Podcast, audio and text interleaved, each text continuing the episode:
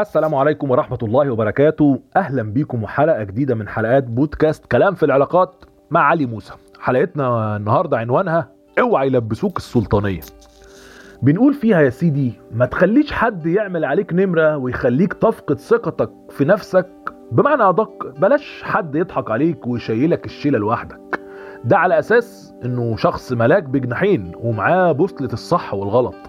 وبتبقى كل البلاوي والمشاكل والخلافات والإخفاقات. أنت لوحدك السبب فيها وأنت المسؤول عنها وأنت اللي هتشيل نتائجها لوحدك. القصد هو مين اللي يحكم إذا كنت أنت صح ولا غلط؟ ومين اللي بيحدد إذا كان التقصير من عندك أنت وبس؟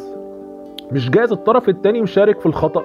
مش جايز التقصير من عنده بس بيكابر وبيعمل نفسه مش شايف أو بيعاند عشان ما يتحملش المسؤولية؟ مش جايز مشكلته إنه شخص بيشوف الدنيا بعينيه هو وبس مش متمركز حوالين نفسه بشكل بيخليه مش قادر يقبل اختلافكم أو طريقة إدارتك في للأمور. مش جايز أنت بتتعامل مع شخص متربي بطريقة خالية من التقدير والود وكلها نقد ولوم وعنف وعشان كده ده بيخليه يتوحد مع أسلوب تربيته ونشأته القاسية وبيسقطها عليك أنت. للأسف ناس كتير اتربت على انعدام تحمل المسؤولية تجاه أنفسهم أو تجاه الناس من حواليهم. ناس كتير اتربت على عدم الاعتراف بالخطأ وافتقاد ثقافة الاعتذار الكبر والملاوعة وال- والفهلوة. للأسف الشديد بقت أدوات بنستخدمها عشان نتهرب من المسؤولية ونرميها على الآخرين من حوالينا. عشان كده اوعاك حد يلبسك القميص الأبيض ويقول عليك مجنون لمجرد إنك مش على هواه ولا تحت طوع أحلام سعادته.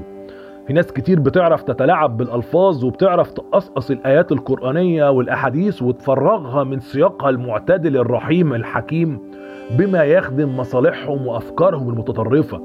بتلاقي شخص مش حافظ منها إلا ما يستخدمه فقط للتهديد والوعيد لو خالفت أوامره أو رغباته ويفضل يحاوطك بيها لحد ما تصدقه وتصدق إنك مذنب وملام لإنك للأسف سلمت نفسك ليه وسلمت دماغك ليه وأصبحت بتشوف الدنيا فقط بعينيه.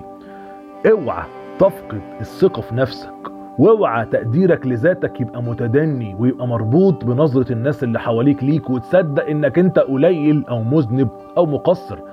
على سبيل المثال عايزك تشوف الراجل اللي طول الوقت بيهدد مراته بآيات وأحاديث آه، عن طاعة الزوج وحكم الزوجة العاصية لأوامر زوجها ومصيرها لو غضب عليها مع ذلك بي- بيغفل عامدا متعمدا الآيات والأحاديث الأخرى اللي بتتكلم عن حق الزوجة وعن كلكم راع وكلكم مسؤول عن رعيته وعن استوصوا بالنساء خيرا وحاجات كتير بتتكلم عن مسؤوليات الرجل تجاه المرأة.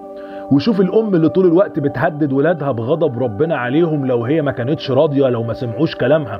قلبي وربي غضبانين عليك ليوم الدين لن تبني ولا أعرفك لو ما سميتش ابنك على على اسمي لو ما دخلتش أدبي لو ما اتجوزتش اعتماد بنت خالتك وحاجات كتير وأمثلة كتير لناس بتدخل في علاقات كلها تهديد وإرهاب تحت عنوان أنا بس اللي فاهم أكتر منك أنا صاحب الحق والسلطة والمعرفة.